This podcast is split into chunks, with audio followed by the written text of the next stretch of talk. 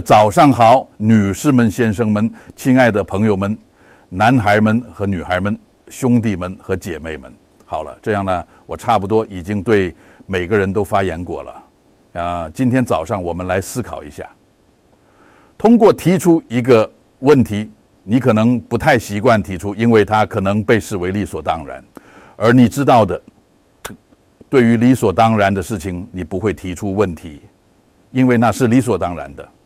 而我们今天早上正是要做这件事，因为通常被呈现的如此理所当然的事实，实际上并非如此。我们今天早上将主要探讨的是，在各个他的十字架上，是否支付了我们的罪债？你觉得呢？谁说是？我承认问题本身就有点引导性啊，但你觉得呢？谁说是？我承认。我没有安排的很聪明。我想，如果我有所不同的安排，可能会有更多的熟知被举起。你当然不敢再举手了啊！其实完全是不对的，因为你只是给出了你认为的答案。但好吧，我们要好好检视这一点。因为是的，如果你有传统的教会基督教背景，这确实是一种非常。理所当然的想法啊！我们的罪灾，那还还有待上缺，因为很多人对此感到困扰。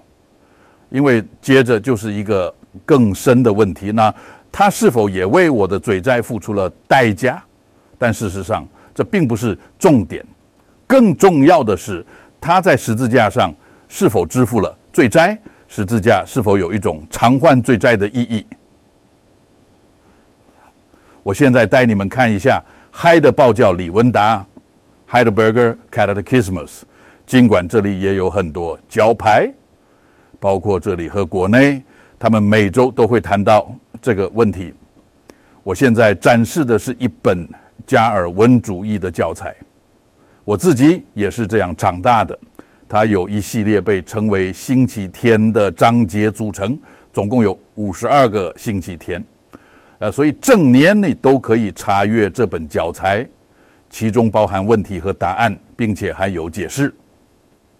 我们来看看嗨德报教理文大中的第十是个问题。他问基督为什么要讲被自己指之死亡？为什么呢？然后答案是这样的：因为出于上帝的公义和真理，我们的嘴只能通过上帝的儿子。之事来偿还，因此，上帝的儿子的事就是对我们罪的偿还，而这是为什么呢？嗯，那是因为上帝的公义要求偿还罪债。我在引用美国的一位福音派牧师，一位著名的基督教辩护者，他在书中《现代与木讲课》中写道：当他呃致耶稣呃走上十字架时，差不多。呃，两千年前，以为圣洁而公义的上帝向他的儿子发泄了他的愤怒。当耶稣说成了时，上帝公义的本性得到满足。然后他继续说：“你可以说，上帝在那一刻得到了宽恕，可以满怀爱心地对待人类，而不必毁灭一个犯罪的人。”啊，这种思想。呃，这个观点甚甚至根于我们的传统基督教 DNA 中，而我们都熟悉这样的表达：他为我们的罪而死。是的，但为什么呢？好吧，这里就解释了。我刚才从教理文大众朗读，现在我引用了一位福音神学家的小册子。这是如此普遍，当解释时自驾的含义时，人们就是这样想的。耶稣必须死，为什么？我们有罪，人类有罪，而这个罪必须被偿还，因为上帝是公义的，他不仅仅是慈爱的，这也总是这样说的。上帝不仅仅是慈爱的，上帝不能随便宽恕，不，他应该是慈悲的。人们认为这样做是不公平的，他的公义要求一种补偿，一种赔偿，在神学上。人们通常称之为赎罪和赎罪，这个词在圣经中找不到，但必须满足上帝的公义。然后人们说的实在是自架上，罪灾是否已经制服？人类无法致富的罪灾，它替代新的致富了。替代“新”这个词在呃圣经中也找不到。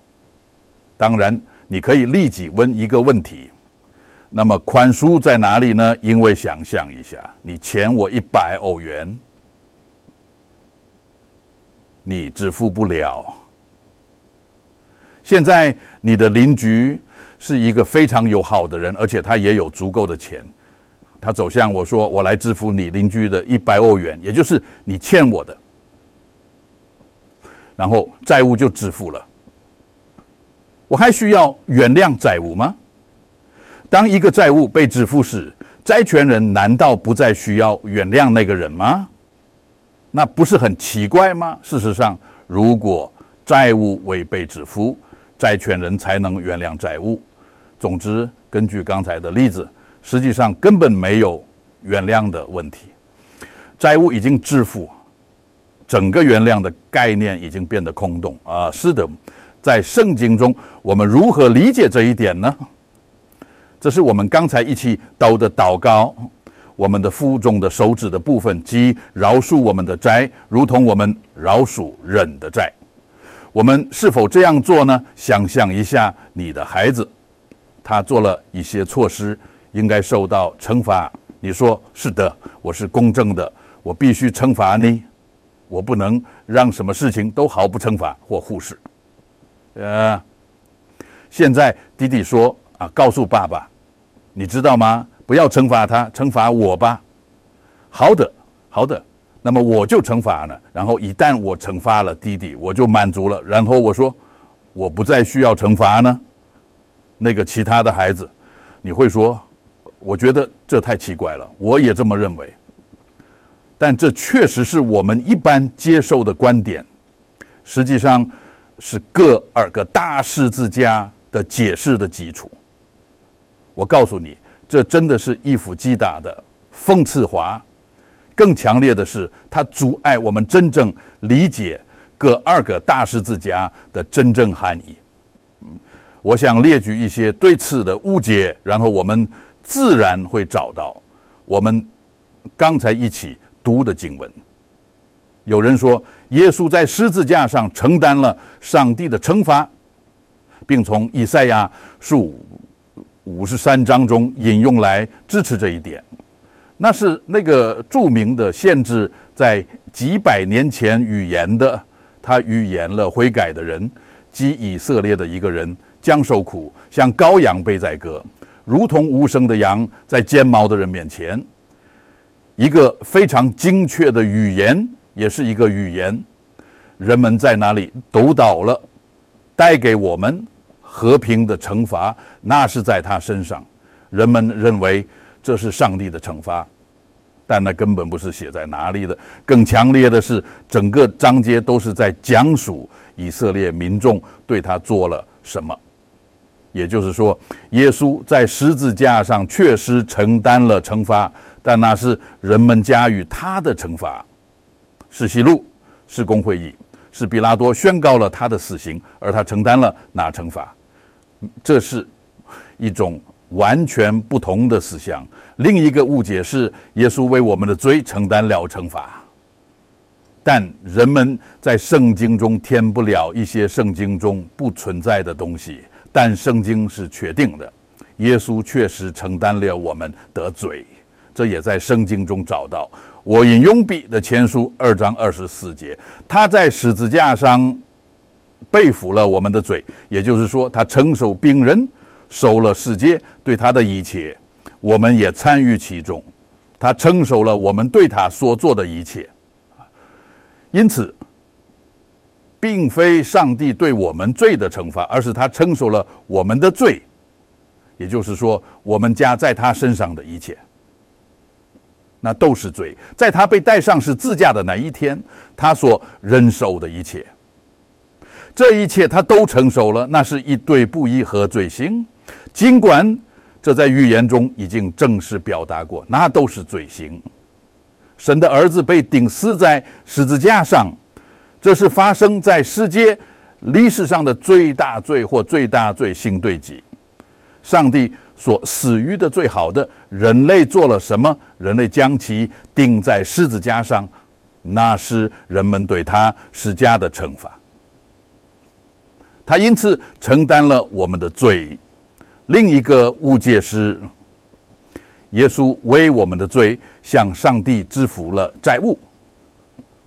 现在我们必须非常注意，因为支付和代价的整个概念在本质上是非常圣经的，但你必须仔细观察。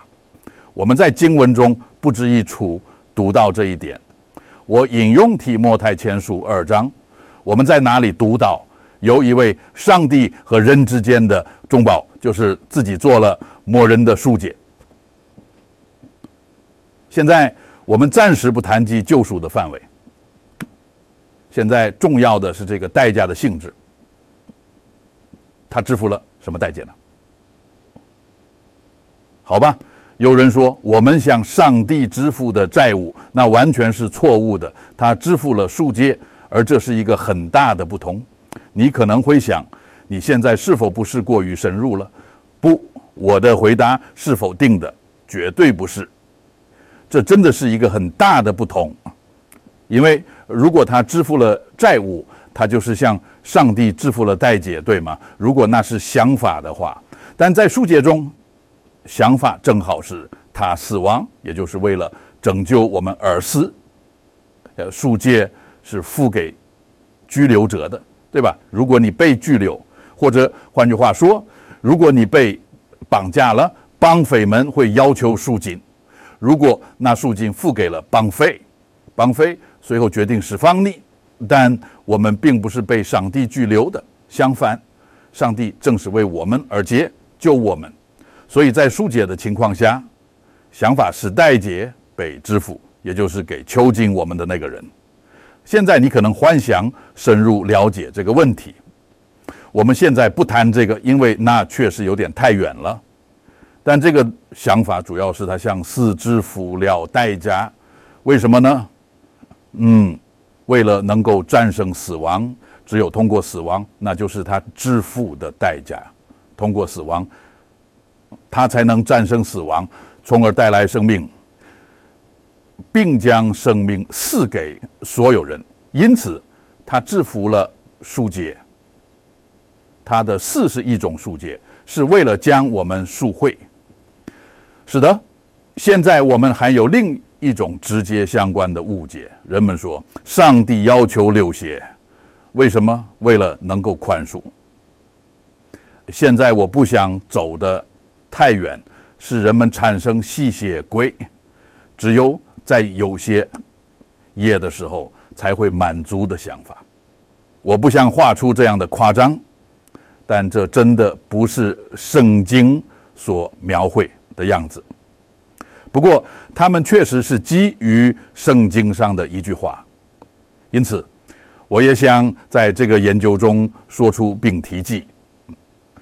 你看，在希伯来书九章。那里揭示了祭品以及祭司的服务等等，然后在醒间没有流血就没有宽恕。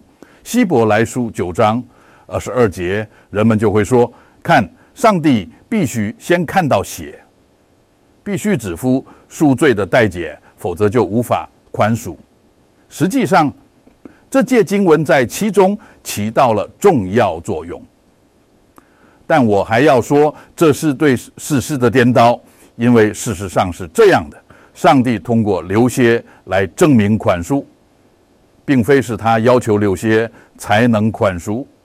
不，通过十字架上的流血或耶稣的死亡，上帝证明了他的宽恕有多深。即使他们将他的儿子顶在十字架上，他仍然是一片满意宽恕的爱。那流血证明了他的爱，也证明了他的宽恕。那一天，在狮死日里散发生的事情，就是羔羊被宰杀的那一天。当耶稣被钉在十字架上，我们都知道他嘴里有一句祈祷，这是诗篇二十二的话，但呢也读到他说：“父啊，赦免他们，因为他们不知道他们做什么。”当他的血北流出时，当毛刺如他的勒庞时，当他的血被流出时，那是最大的不义。他所承受的是对他最大的不义待遇。他说：“父啊，赦免他们，因为他们不知道他们做什么。为什么上帝要求那样做，以及他是如何通过这样做支付了人的债务，一点都不是人类的债务，反而被提高了空前的。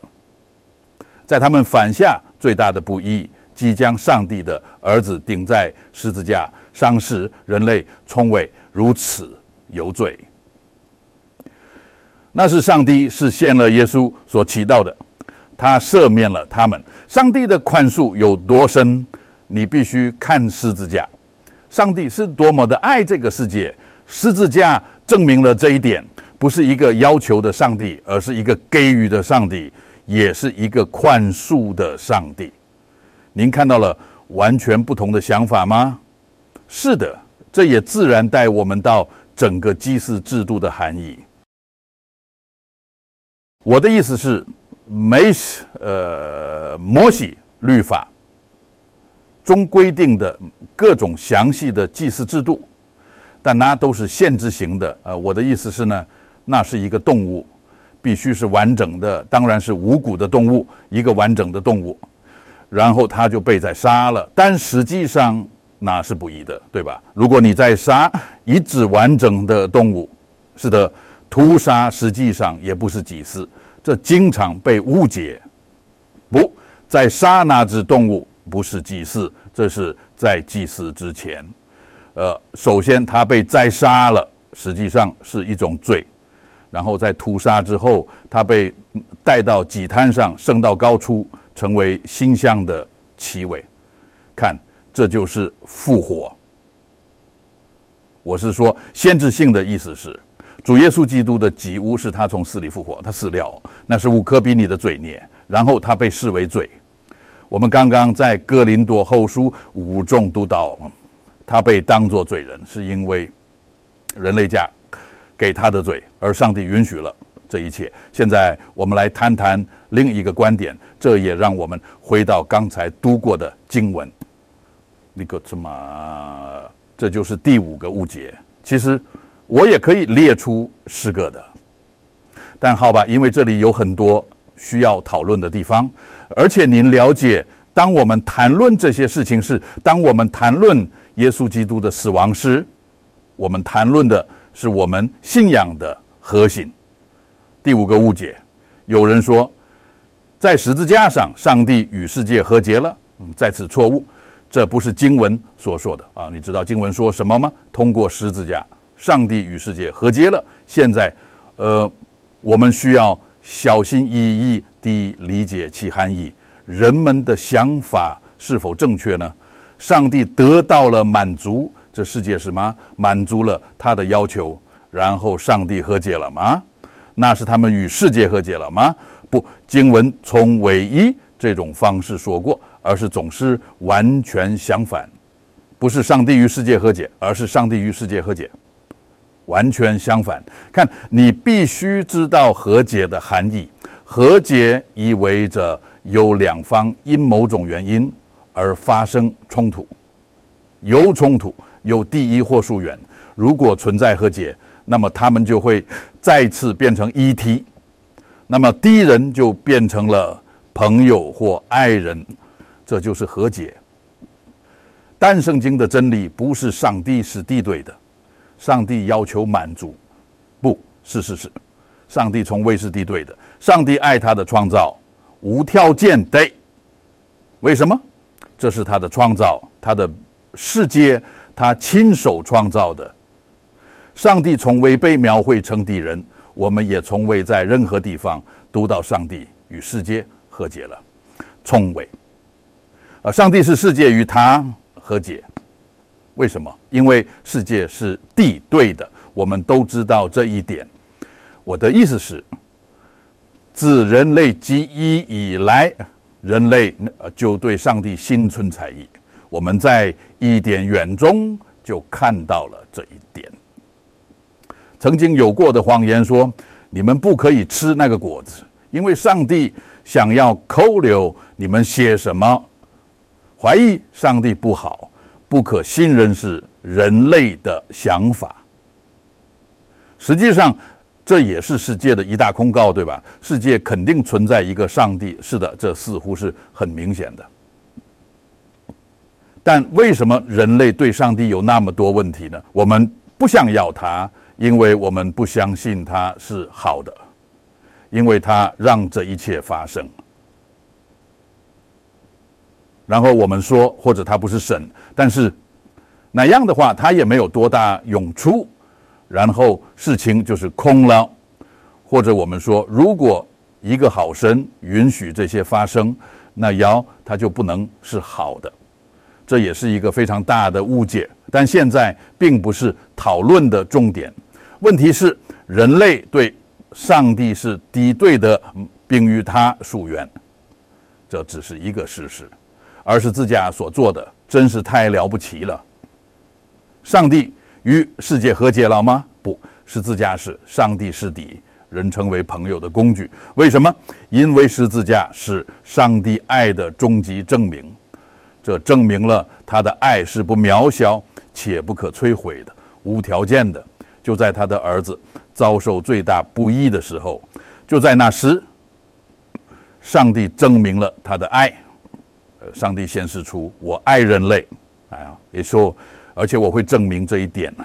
现在我们再去看哥林多后书五和解的那个词是什么意思？是上帝与世界和解了吗？如果你这样说，抱歉，那你真的没有理解和解是什么。再次强调，我们还没有讨论和解的范围。一旦你不再看到和解的真正含义，你就会牺牲你对神的形象的理解。也许我会稍后再谈一些关于这个问题的事情，但无论如何，我现在想读一下这部分经文。从第十八节开始写到这里。然而，保罗接着说：“这一切都是出于上帝，是他通过基督将我们与自己和解，不是上帝与世界和解，不是他通过基督将我们与自己和解，不是他与我们和解，而是他将我们与自己和解。怎么做？通过基督。我继续阅读，他欢赐给我们和解的之分。然后保罗继续说。”这是对文本的比较之一，所以可能与您的翻译不完全一致。因此，问题是什么？是这个和解的之分呢？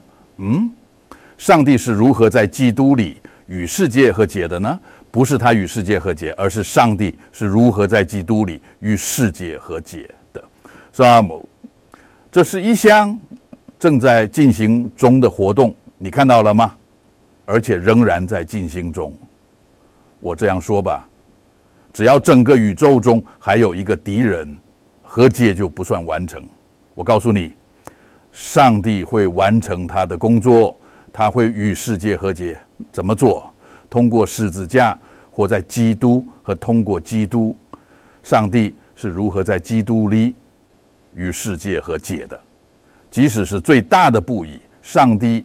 也无法阻止他的爱，正是这十字架证明了他的爱，而这种爱的证明是每一个生物、整个世界最终都变成了他的爱人，而这正是上帝所做的。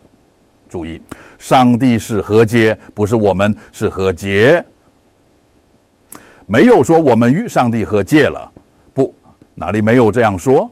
上帝是和解，这真是圣经信息的。美妙之处，这是一条消息。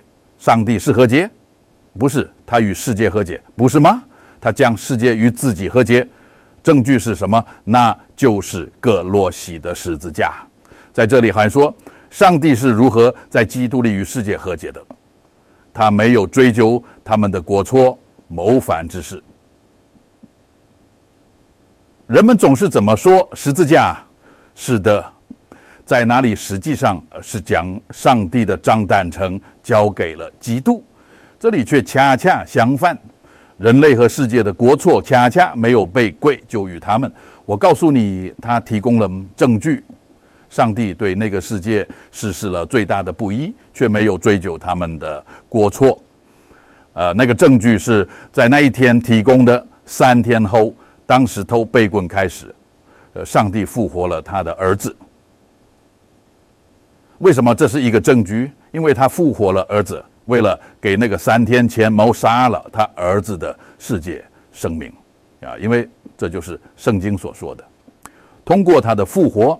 全人类都讲得到生命，通过这种方式，上帝证明了，即使是最大的罪孽，也不能阻止他的爱。相反，这是他的爱的终极证据。这就是上帝如何与整个世界和解的。一旦你知道上帝心中的计划是什么，知道上帝呃打算通过那些谋杀了世界的人来拯救这个世界，那么你立刻就会知道，上帝热爱他的创造，无条件的，这种爱无论发生了什么都不会失去。呃，这样一个上帝真是太棒了。在这里还说他在我们心里放上了和解的刀。为基督，我们是大事。保罗这样说，真是太美了。我们是上帝的大事，为什么呢？嗯，我们被托付了一句话，他在我们心里放了一句话。那么我们告诉世界什么呢？上帝要求公义吗？他的愤怒必须得到平息，或者必须限制负债务，否则他不能宽恕。然后我们就把呃十字架画成了一个漫画，他在我们心里放上了和解的岛，并且现在我们是上帝的大使，仿佛上帝通过我们互欢，我们为基督的缘故恳求与上帝和解，与上帝和解，我们志向个洛西的十字架。世界在哪里？对上帝的儿子做了什么？顺便说一句，这是语言的，当然，这很重要。世界对上帝的儿子做了什么，以及上帝是如何不追究和不归咎的。但正是三天后，他的儿子复活了，说通过他，我要拯救这个世界。甚至对儿子的谋杀也无法阻止我。我马上想到了各种圣经历史，特别是约瑟的历史，你知道的。他的兄弟们把他扔进坑里，他们对他是忘了，结果发生了什么？嗯，你你最终知道这个故事。嗯，最终月色登上了宝座，兄弟们对此一无所知。几年后，他们夫妇在他面前，约瑟对他的兄弟们做了什么？他给了他们谷物，在饥荒中，否则他们会因为饥饿而死。他给了他们生命，看，这就是和解。他们曾经杀害了自己的兄弟，至少雅各人未是这样。而他们的兄弟，他说我是月色，他给了他们吃的，他给了生命。嗯，这正是真月色的土华。这就是上帝如何与世界和解的。所以，请让所有声音都停下来。不要说上帝的愤怒在哪里被平息了，这是个漫画。不要这样说，正是上帝与世界和解，这是一种完全不同的方式和一种完全不同的方法，与传统教导我们的方式相反。我希望在这个研究中，我至少已经为您稍微澄清了一点。很高兴你在听，这是荷兰基金会好消息进行的一项研究，重点关注使徒保罗的福音，尽量是用希腊原文，而不是常规的圣经翻译。想要了解更多关于保罗的福音吗？你可以通过 www.goodbricht.nl 了解。通过 Chrome 或 Firefox 浏览器。可以使用语言查健讲荷兰网站自动翻，译为你喜欢的语言。这个圣经研究最初是用荷兰语呈现的，通过人工智能翻译成了你的语言。